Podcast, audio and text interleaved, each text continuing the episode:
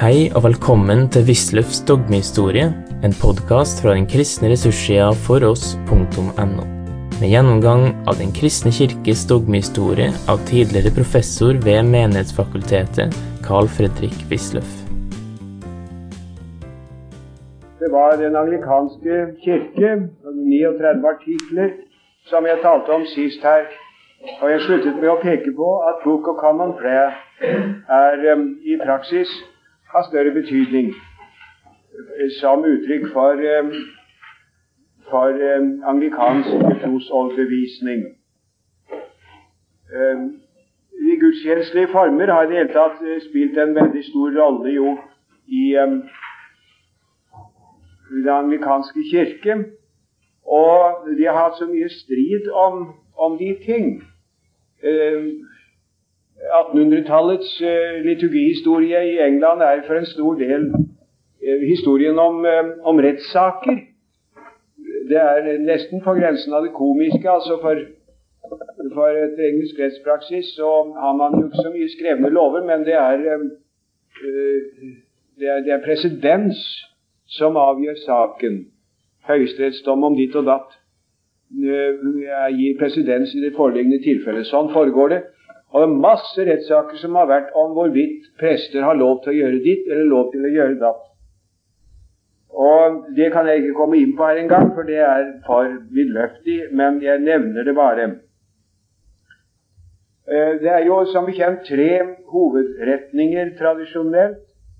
Det er den evangelikale retning, som skriver seg ifra eh, århundreskiftet 1700-1800 omtrent, rundt der, litt før, hvor en del eh, evangelisk innstilte anglikanere gikk imot, eller ble stående i, Church of England efter at den metodistiske vekkelse et øyeblikk syntes å ha tømt den fullstendig både for lærdom og fromhet, som det har vært sagt.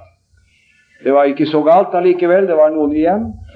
Og eh, det var opphavet til den eh, evangelikale retning, som også kalles for law church. Gjerne. Er den bredkirkelige, eller mer liberalt innstillede, med vekt på sosial ansvar og innsatt, og den høykirkelige, som eh, også er en temmelig fasettert sak, den også. Men viktigst der er jo det anglokatolske retning, som tok sin begynnelse med eh, og Newman. Eh, det er de som især har inaugurert denne tanke om den apostoliske suksesjon, som eh, jeg har sitert her. Det er Newman, lærer i Oxford og eh, prest ved St. Mary's Church i Oxford. Han ga sammen en del venner noen tracks for The Times. Og den første der står det det at hvis vi sporer eh, bakover makten, ordinasjonsmyndigheten, fra hånd til hånd, så kommer vi tilbake til apostlene til slutt. Men han forestiller seg at Jesus har lagt hendene på apostlene og innviet dem. De la hendene på sine efterfølgere og innviet dem til biskoper osv. osv. osv. Til, til denne dag. Og det er den apostoliske suksesjon i den anglikanske form. Det er en ren historisk kimære i virkeligheten og innbilning, hvilket har vært påvist mange ganger. For Oldkirkens vedkommende er det påvist av Einar Molland i en meget betydningsfull artikkel om Ireneus. Ireneus kan ikke ha vært ordinert på den måten at eh, andre biskoper la hendene på ham og ordinerte ham til biskop. Og det er ikke den tanken med håndspåleggelse som er den dominerende. Ikke på noen som helst måte. Det er ofte påpekt, men det holder seg allikevel. Og det er aldeles utrolig hvor sterkt det holder seg. Eh, I eh, det såkalte Lambeth Quadrilateral i 1888 eh, så ble det satt opp fire ting som vilkår for reunion. Lambert Conference er jo de anglikanske biskopers konferanse i holdes i London. Det begynte omtrent på denne tid og har fått en stadig økende prestisje innen den anglikanske kirke. Det er alle fra det, det Anglican Communion over hele, over hele verden, kan man nesten si, som kommer sammen der til rådslagning. Og i 1888 så satte de opp en firepunktsuttalelse, quadrilateral, og det som er for de fire punkter som må kreves for a reunion. For det første at man holder seg til, til Skriften, Gammeltestamentet og Nytestamentet. For det andre at man bekjenner apostolikum og nikenum. For det tredje at man praktiserer dåp og nattvær efter Herrens innstiftelse. Og dernest for det fjerde at man har the historic episcopate, historiske episkopat. Og med det forstår man da denne apostoliske suksesjon som her er antydet. Ikke nødvendigvis noen, eh, noen eh, spesiell teori om det, heter det gjerne da, men det historiske faktum. Men det er jo efter andres mening, eh, og som jeg mener svært vel begrunnet mening, nettopp det historiske faktum som er diskutabelt, for å si det mildt. Nå gjøres da med andre ord en bestemt slags bispeembete til vilkår for reunion, til altså samling i kristenheten. Man må ha, man må ha biskoper. Det må man ha. Og, og, det er stikk i strid med Augustana 7, hvor det jo heter eh, satis est, ikke statis est, som det dessverre står i vår eh, utgave, som har så mange trykkfeil, men det står satis est. Altså det er nok. Det er nok, det er tilstrekkelig, heter det der i Augustana 7, at til Kirkens enhet er det tilstrekkelig, satis, at det er enighet om evangeliets forkyndelse og sakramentenes forvaltning. Det er ikke noe vilkår utover det, og således heller ikke om noe spesiell form for embete. Det er ikke luthersk å si at man må ha biskoper.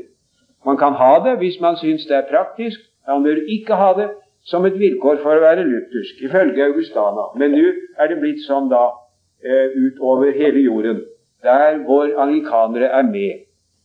Og det er jo til dels ganske merkelig eh, hva som man da opplever. Church of South India, eh, Sydindiske kirke, som ble til i 1947, ble til på den måten. Det var anglikanere, metodister, presbyterianere og kongregasjonalister som gikk sammen og dannet et nytt kirkesamfunn. Men alle sammen eh, gikk med på at det skulle være det historiske episkopat. De som før var ordinert med en annen ordinasjon, behøvde ikke nødvendigvis å eh, ordineres om igjen, men etter 30 år skulle man betrakte situasjonen på nytt. Eh, det ble skrik og skrål blant eh, og store protester blant høykirkelige anglokatolske i første omgang, men det tidde brått ettersom de ble klar over at uh, om 30 år så er ingen som husker det lenger. Det er jo soleklart. I 78, hvor mange prester er det da igjen av dem som i 1948 ikke hadde fått bispehånden på sitt hode? Ganske sikkert svært få. Ikke noe mer å snakke om. Og i mellomtiden har alle uh, blitt ordinert av en biskop i det historiske episkopat. I fjor ble Church of North India dannet av omtrent de samme kirkesamfunn, men denne gang pluss baptistene. Pluss baptistene, og de har også det historiske episkopat. Det har de også i den store Consultation on Church Union i USA, COCU, kallet efter anagrammet COCU. Det blir over 20 millioner medlemmer hvis dette går i orden.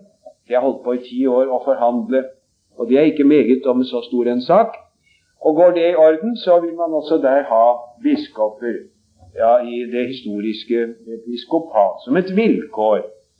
Derimot behøver man praktisk talt ikke ha noen dogmatisk substans. Eh, men biskoper må man da i hvert fall, eh, i hvert fall ha. Det, det, det, går gjerne sånn som, som han har uttalt eh, Emil Brunner i äh, das Missverständnis der Kirche at hvor äh, høykirkelige og lavkirkelige äh, samarbeider går i felles samarbeid, er det alltid, alltid, alltid de høykirkelige som drar det lengste strået. Feiler ikke. Og de har da gjort det også i disse tilfellene, dersom det er funksjonsdyktig da. Det vil erfaringen vise.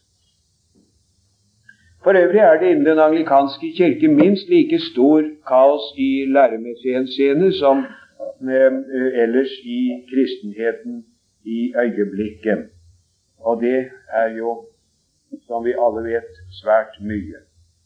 Eh, man kan under tiden tenke at eh, den gamle læretradisjonen, hvilken rolle spiller den egentlig i vår situasjon? Men det kan jo fort forandre seg igjen. Din uh, høykirkelige retning, som Newman og Pusey begynte, fortsatte jo også etter at Newman uh, konverterte og ble, ble katolikk. Uh, han forsøkte jo det aller lengste å få det til, Newman, at de 39 artikler kunne, kunne stemme overens med den katolske tradisjon i virkeligheten var det ikke noen motsetning, mente han en lang stund å kunne bevise. Det er i tract nummer 90 i 1841. Eh, da ble det stort spetakkel og interpellert om det i parlamentet. Og jeg må nok si, Når man ser hvorledes han da forsøkte å få det til å klappe, da blir man litt, litt beklemt. Eh, F.eks. Eh, når det gjelder transsubstansiasjon, som er forkastet med harde ord i de 39 artikler, så menes det ikke den katolske tradisjon om transsubstansiasjon, sier Newman, men bare visse krasse, eh, overdrevne uttrykk for transsubstansiasjonslæren som man kan finne hist og her innenfor den romersk-katolske kirke i middelalderen. Det var den man tok avstand fra, men ikke i og for seg den tanke at brød og vinen eh, ved innvielse blir vår Herre Jesu Kristi legeme og blod. Man, man blir vendt frem ille til mote over den slags resonnement. Og like når det gjelder messen, messens offer, så setter han fingeren på at det i de 39 artikler ikke taler om messen, men det er messene i flertall, masses, Eh, det er altså en bestemt eh, utglidning i en mangfoldighet av messer eh, som tas avstand fra, ikke i og for seg messeofferet. Man, man, man, blir, man blir beklemt overfor slik måte å resonnere på. Det er ikke holdbart. I 1930 foregikk det en eiendommelig, var den en eiendommelig eh, kontakt mellom anglikanske kirke og gresk-ortodokse kirkeledere. Og da påpekte de gresk-ortodokse, som har mange skarpe teologer, det viser seg om igjen og om igjen i disse samtaler, at de syns det var en viss tvetydighet her. Det var visse ting i de 39 artikler som dårlig stemte overens med Book of Common Prayer.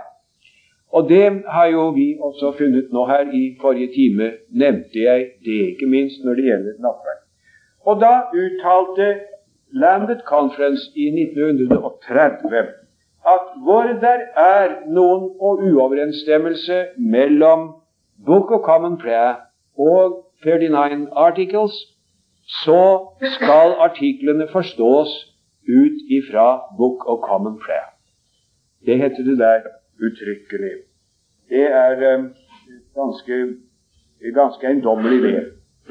Der skal vi merke oss i det hele taget at uh, de anglikanske Anglo-Catholic uh, Anglicans, altså Anglo-Catholic, de vil fremfor alle ting ikke være protestants. De er catholic. Det viste seg f.eks før det store økumeniske møtet i Stockholm i 1925, da eh, erkebiskop Nathan Söderblom forsøkte å få folk fra alle kanter til å møte til det, eh, konferansen der i Stockholm, som fant sted i 1925.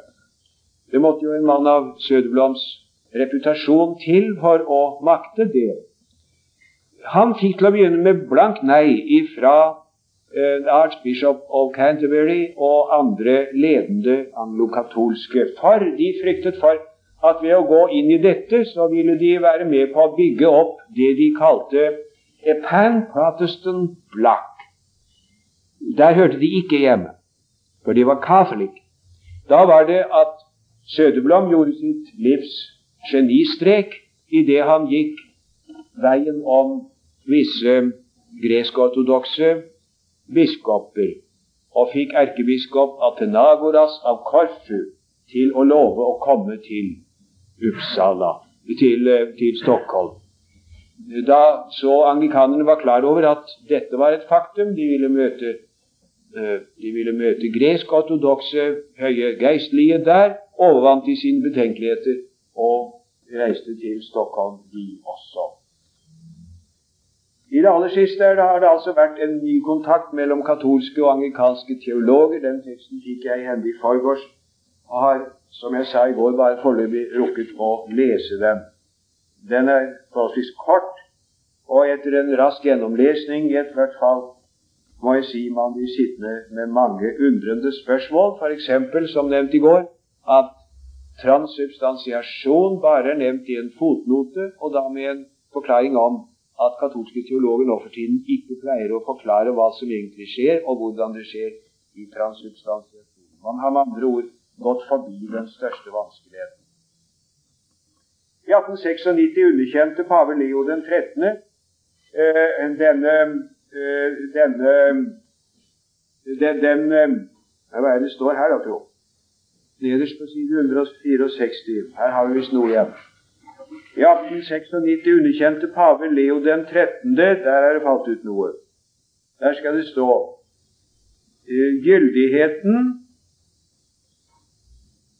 av de anglikanske prestevielser.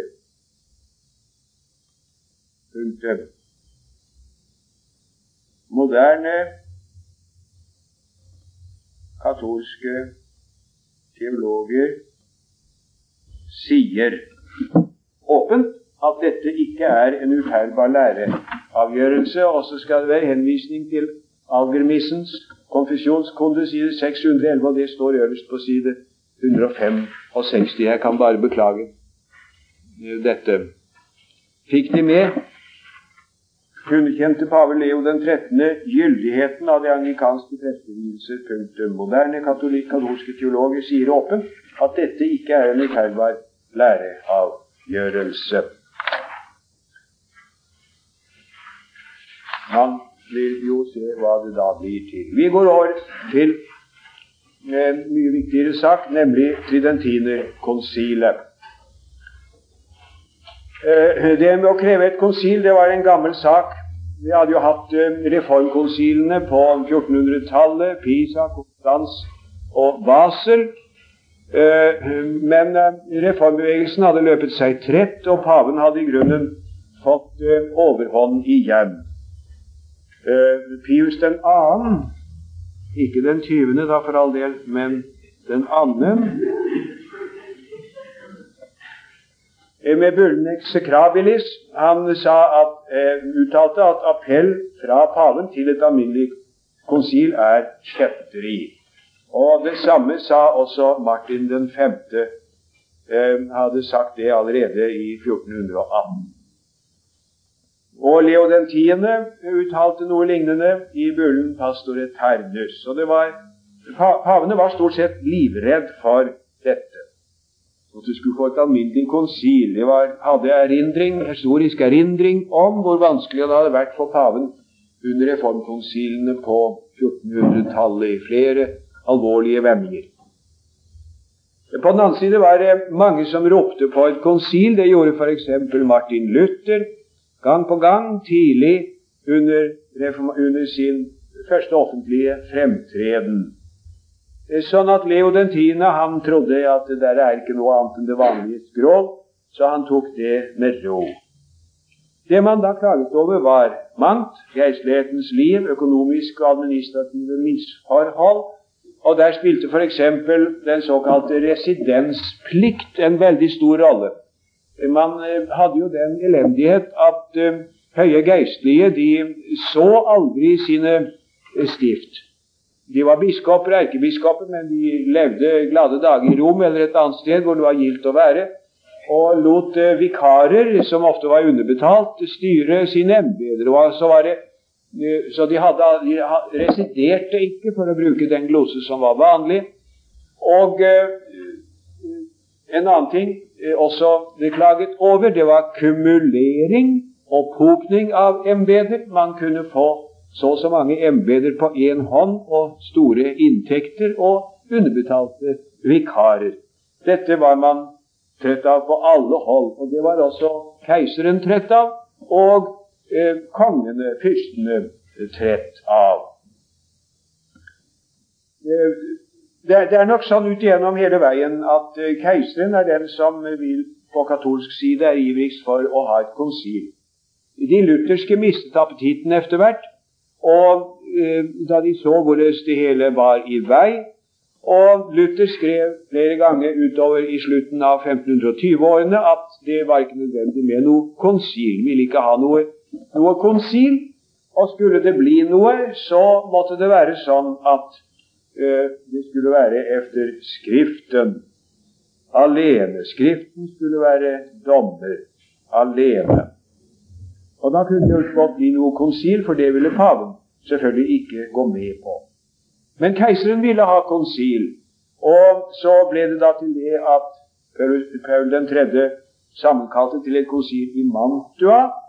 Og i anledning den eh, sak så skrev, eh, så skrev Luther de smalkaldiske artikler 1537.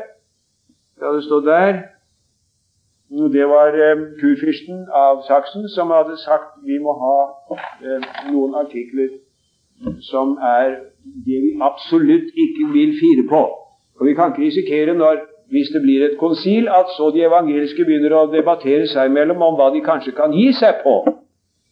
Hvorefter eh, Luther skrev disse smalkaldiske artikler, som aldeles ikke var noen minimumsbekjennelse, men snarere en maksimumsbekjennelse. Han passet på å ta med alt som lå ham på hjertet, og det var ikke lite.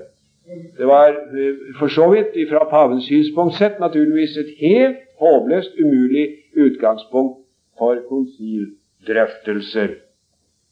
Nå ble det ikke noe av det der i Mantua. Derimot så forsøkte man en annen vei, og det var disse religionssamtaler som fant sted ja, 1540 og 41, og litt forsøkte de også senere. Ja, endog i begynnelsen av 1600-tallet kom det et og annet spredt forsøk i retning av en religionssamtale. Det viktigste er det Regensburg 1541.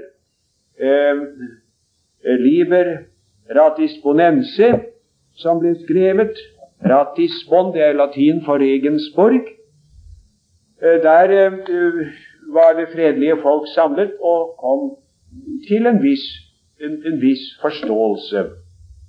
Men eh, det kunne ikke bli noe konsil, for mellom 42 og 44 hadde keiseren krig med Frans den første. Og så omsider fikk de fred i 1544, og paven og keiseren fikk en avtale som gikk ut på to punkter. For det første nå skulle det være krig, og de protestantiske fyrsters militærmakt skulle knekkes. Punkt to det skulle være et konsil, og der skulle de evangeliske møte og få vite hva de hadde å holde seg til. Det var hva de ble enige om. Og det gikk da etter programmet også i og med at ved slaget ved Milberg i 1547 seiret keiseren aldeles over kurfyrsten og hans allierte. Det skyldtes bl.a. at Moritz av Saksen eh, sviktet mot løftet om å få kurfyrsteverdigheten istedenfor den andre grenen. Det var to fyrstegrener der, og det gikk over fra den ene til den andre. Det fikk han til lønn for å spille Judas, som det ble sagt, av dem som var ble sveket. Men da eh, var allerede i Trientinekonsilet begynt. Og da var også faktisk det begynt som de kaller for motreformasjonen. Eh, det er en svær bevegelse, det motreformasjonen, som altså førte store deler av Tyskland, eh, Polen, som jo langt på vei var blitt et evangelisk land, Ungarn, som nesten helt var et, et um, evangelisk land, i alt vesentlig tilbake under, under paven i Rom. En veldig bevegelse. Og det, det, ble gjort med vold og makt og terror, men det var ikke bare det. Det var også ledsaget av en virkelig eh, åndsmakt, må man si. For så vidt som den gamle kirke besinnet seg på sine egne eh, kilder til åndsmakt, og det, det, det er en veldig, veldig, veldig kraftutfoldelse. Jeg har satt opp noen punkter der. For det første så virket jo de nye kirkene samlende på den gamle bare ved at de var der. Det finnes, og der har vi atter en trykkfeil. Ingen skal det stå. Punkt to, linje fire. Det finnes ingen sekter lenger i Romerkirken. Ingen er falt ut. Det fins ingen sekter lenger. En annen sak er at vi jo nå i de aller siste år har fått en, en splittelse innen Romerkirken Eh, så aldeles fundamental. Og, og, og hva, hva, det vil føre til, er det ikke et menneske i dag som kan si.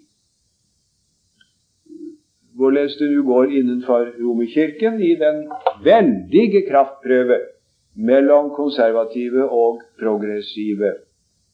Noen egentlig splittelse i en ny kirkedannelse blir det neppe. Det svarer ikke til vår tids rytme, dens innstilling og ønske. Eh, nye frikirkedannelse med splittelse er sjelden det skjer nå. Det er liksom ikke, svarer ikke til vår tids følelse for tingene. Men veldig motsetning, det er det. Voldsom motsetning er det, og hva det blir til, det kan ingen si nå. Men altså, det andre her Jesuittordenen ble et umåtelig krafttilskudd. Og så er den spanske mystikk, Teresa, vanskelig å overvurdere betydningen av den hellige Teresas eh, uh, innsats. Liten, eh, liten nonne. Hun gikk jo altså da i, i kloster og forsaget alt her, gikk inn i en veldig streng orden og gjorde den enda mye, mye strengere ved sin personlige innsats. Merkelig merkelig historie er det. Eh, liten, pen, vissen, ubetydelig å se på. Hun hadde vært en stor skjønnhet som ganske ung, men det ble hurtig slutt da hun gikk inn under sin veldig strenge askese. Spiste jo f.eks. Eh, praktisk talt ikke. Eh, hadde eh, syner, åpenbarelser, utfoldt en stor litterær produksjon. Og det er ingen som helst tvil om at fra denne eh, lille skikkelse utgikk en umåtelig sterk åndsimpuls. Det er sikkert det. På samme måte som i Birgitta, den hellige Birgitta og eh, den hellige Katarina. De to der på 1300-tallet, bare enda mye mer. Og i en situasjon som for Romkirken var enda mer kritisk. Jeg kan bare nevne det her. Og så da inkvisisjonen, som f.eks. bokstavelig talt kan man si utryddet det som var av tilløp til reformatoriske bevegelser i Italia og Spania. Men altså, teologisk sett, hvordan hadde det seg med situasjonen på det området? Jo, der så jo de katolske teologene seg ved Luthers fremtreden stilt overfor en uventet oppgave og nye problemstillinger som de ikke var voksne for. I sin store eh, monografi om Johannes Eck sier Erwin Iserlo, som er katolsk teolog, meget fremragende historiker, at disse teologene var ikke situasjonen voksne på noen måte. De fleste av dem ville ikke vært kjent den gang for ettertiden. Når de er blitt det, så er det fordi de altså prøvde seg på en mann som var dem så mye, mye større, nemlig Martin Luther. Det er Erwin Iserlohs eh, bedømmelse av saken. Man kan ikke undre seg over at de fant det vanskelig, f.eks. når Luther angrep læren om messens offer, så svarte de med å reprodusere det som de hadde lært hos sine autores. Og det var ikke mye. For man hadde ikke i grunnen arbeidet med messeofferets teori noe nevneverdig, og det man hadde, var på ingen måte egnet til å imøtegå reformatorenes angrep.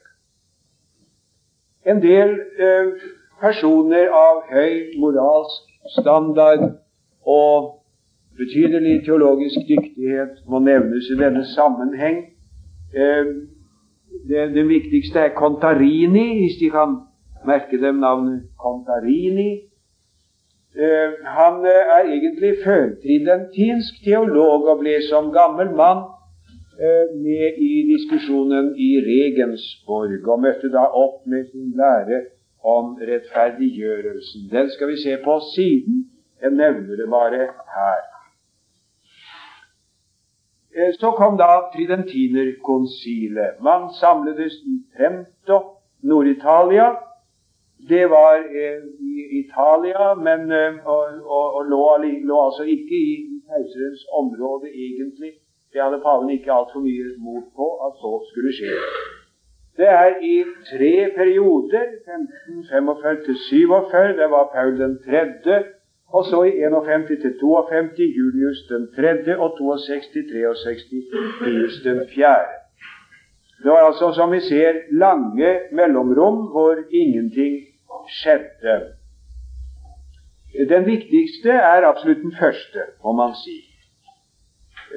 Eh, det, er ikke mange, det, var ikke mange som møtte da dette åpnet. Eh, det var eh, ikke noe økumenisk konsil hvis man dermed for alvor mener at det var representanter fra hele kristenheten. Det var, det var, få fra Tyskland. I annen periode var det ingen franske, for kongen var ikke i humør til å la noen reise. Eh, det var veldige motsetninger mellom pavelige og keiserlige. De keiserlige var da spanske teologer, ikke minst, og de gikk rent varmt for seg somme tider. Det var især under den tredje perioden at det fant sted. Det var tre pavelige legater som presiderte. Det var Servini, Del Monte og, og Reginald Cole en engelskmann. Del Monte ble senere pave og het da Julius den tredje fra 50 til 55. Servini ble også pave og het Marcellus den annen, men han rakk bare så vidt å tiltrede, og så døde han etter få ukers forløp og fikk ingenting utrettet. Uh, man stemte etter, etter, hoder. Hoder i flertall. Hoder, ja ja, det får vi jo tro, men etter, etter hoder, ikke etter nasjoner, som i konstans. Beslutningene kalles dekreter, og uh, til det slutter seg kanonnes, hvor vranglære og misbruk blir fordømt. Hvem hadde da den øverste myndighet, nemlig paven eller konsilet? Det eh, lå under hele tiden og ble ikke avgjort. Det, det, var så sterke motsetninger der at uh, den uh, knuten den, den, ble ikke løst. Spørsmålet ble overlatt til fremtiden. Og det er ikke løst enda. Det, når vi ser på det, så har vi dette mellom pavemakt og konsilmakt. Det, det går sånn gjennom hele kirkehistorien. Vi har I tredje århundre har vi paven i Rom, biskopen i Rom imot imot uh, Kyprian i Nord-Afrika. Og så har vi i middelalderen, på 1400-tallet, har vi reformkonsilene, hvor de hadde overtaket en stund. Uh, så har vi her hvor det liksom ble jamvikt, det ble ikke noe avgjørelse på det. Da har vi første Vatikankonsil i 1870, hvor nesten alle trodde at det var endegyldig avgjort i retning av pavens enemakt, at konsilet i grunnen var overflødig, det var bare paven nå. Det trodde man. Det har mange sagt og skrevet. Og kong Kristen lærebok er f.eks. skrevet ut ifra den overbevisning. Men så kom annet Vatikankonsil, som betyr en voldsom oppblussing av makt igjen for konsilet, og det vil i grunnen da si for biskopene. Og i øyeblikket er det nå vel ingen som tør, tør stå frem og si hva som er hva. Hva som er, står på papiret, kan man forholdsvis fort finne, men også det er selvmotsigende og vagt, som jeg skal komme inn på senere i semesteret. De keiserlige var sur over dette at det var tre pavelige legater som førte forsetet hele tiden. Og bitre ord ble, den, ble sagt i den anledning. Uh, den hellige ånd kommer i postvesken fra Rom, ble det sagt. Eller Den hellige ånd er åpenbart forsinket pga. oversvømmelse uh, på veien. Posten ifra, brevene fra paven var altså ikke kommet frem. Det var, det var uh, især spanske kirkemenn som var ikke så rent lite bitre uh, på det punkt. Det, denne med papalister og episkopalister skal vi komme tilbake til senere. Hvis man skal summere det opp, så må man si at Trientinikonsilets betydning er at uh, den middelalderlige teologi og kirkelige tradisjon opphøyes til kirkelære. Uh, vi må jo være klar over at uh, det var skjedd veldig meget siden de oldkirkelige konsiler og læreformuleringer. Og hva som i ethvert enkelt tilfelle var katolsk lære, var kanskje ikke så lett å si. Det var delte meninger om, om mange ting. Og f.eks. at Luther slo opp noen teser han ville ha diskutert om avlad, var i og for seg ikke så umulig, for det var delte meninger om den sak på mange hold. Det som altså skjer ved Tridentinekonsilet, er at en, en, en gjennomsnittlig konsens blir kodifisert. Sånn at det nå i en ganske annen grad enn før var råd å sette fingeren på eh, noe og si dette er det katolske, og dette er forkastet. Det får man ikke mene. Det gjennomsnittlige eh, katolske eh, læretradisjon blir altså opphøyet til kirkelære, blir kodifisert. Det hele blir mye fastere. Og da på den måten at det typisk protestantiske blir avvist. Det er på sett og vis Luther som eh, har bestemt dagsordenen, skulle man kunne si. Og overfor hans lære og lutherdommens lære avgrenser man seg fra punkt og til punkt. Det var ikke minst jesuittene som uh, her opptrådte. Det var jo bare få år siden jesuittrådene var stiftet, 1540. Men de var der allerede, dyktige menn som Laines, den spanske teologen, som uh, spilte en veldig rolle med å finne formuleringer som man kunne godta, og passe på at man satte sperre overfor det evangeliske der hvor det var nødvendig. Derimot forsøkte man å unngå å avgjøre uh, tvistemål mellom skoleretninger innenfor den katolske kirke. Her hadde jo f.eks. de eh, to munkeordeners lærde menn stredet med hverandre helt siden 1200-tallet. Fransiskanere og dominikanere hadde stått imot hverandre i mange spørsmål om Marias ubesmittede unnfangelse. Det hadde de kjempet så voldsomt at paven sa han ville ikke høre mer om det. Det var forbudt å diskutere, hvilket selvsagt ikke hjalp særlig meget. Og det, det var også andre spørsmål om, om, viljens frihet, og også viktige punkter faktisk i eh, sakramentlæren, hvor de sto imot hverandre. De spørsmålene mente man det ikke var noen oppgave å løse. Derfor er eh, det stadig skolemeninger, og det skal de merke dem. For det har så ofte vært sagt at Luther opponerte mot ikke den egentlige katolisisme, men mot en bestemt teologisk skole, nemlig Occams, som han hadde lært da han var student, som blir gjerne sagt. Og særlig tidligere er ikke så mye nå, i grunnen man hører ikke så ofte nå, men uh, det var svært vanlig å høre det på et litt tidligere tidspunkt, at hadde han f.eks. kjent Thomas, så hadde saken vært en helt annen. Nå viser det seg jo at han har hatt ganske god greie på Thomas, faktisk. Det bortfaller. Og når det gjelder eh, Occams skole, så ble den ikke fordømt i trempedom. Det ble den ikke. Det var, ble stående fremdeles som en skolemening. Og der er jo tegn som kan tyde på at de tingene kommer opp igjen. Det skulle egentlig forbause meg om ikke det snart skjedde. Der er momenter der som måtte ligge forbløffende til rette for en betraktning som er befruktet av eksistensialistisk filosofi. Det er ikke, for, på noen måte fordømt, det er latt åpent. Nå gjaldt det først å presisere trosgrunnlaget. Der hadde jo Luther sagt Skriften alene skal oppstille trossetninger, og ellers ingen, ikke engang en engel. Det er med anklang av Galaterne 1, 8 og 9 at han sier dette, og det finnes i de smalkaldiske artikler. Dette med Skriften alene er jo det formale reformatoriske prinsipp, som det har vært kalt senere. Det uttrykket var ikke i bruk på denne tid. Det er ifra 1800-tallet. Men tankegangen var der i høy grad. Forma, det formale prinsipp eh, eh, Skriften alene skal avgjøre i trossaker.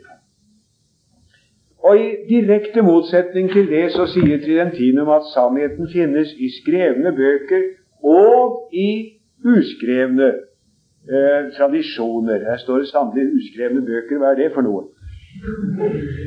Jeg, jeg, jeg, får, jeg fornemmer meg å si at det er ikke jeg som har skrevet stensilene. Men de har da på latin det er in libri scriptis et sine scripto traditionibus. I skrevne bøker og i uskrevne tradisjoner er naturligvis meningen da. Og, og der, der Eh, ser vi at man har uh, uttrykkelig vendt seg imot den evangeliske uh, som vi kaller for det formale prinsipp. Sannheten finnes i skrevne bøker og i uskrevne tradisjoner. Uh, der, på det punkt har det i en tid nå vært ført en lærd diskusjon nokså overflødig, mener jeg, men jeg ser at tiden nå er ute. Du har nå hørt Wisløffs dogmehistorie. Finn flere ressurser og vær gjerne med å støtte oss på foross.no. Følg også gjerne noen av våre andre podkaster, f.eks. Confessio.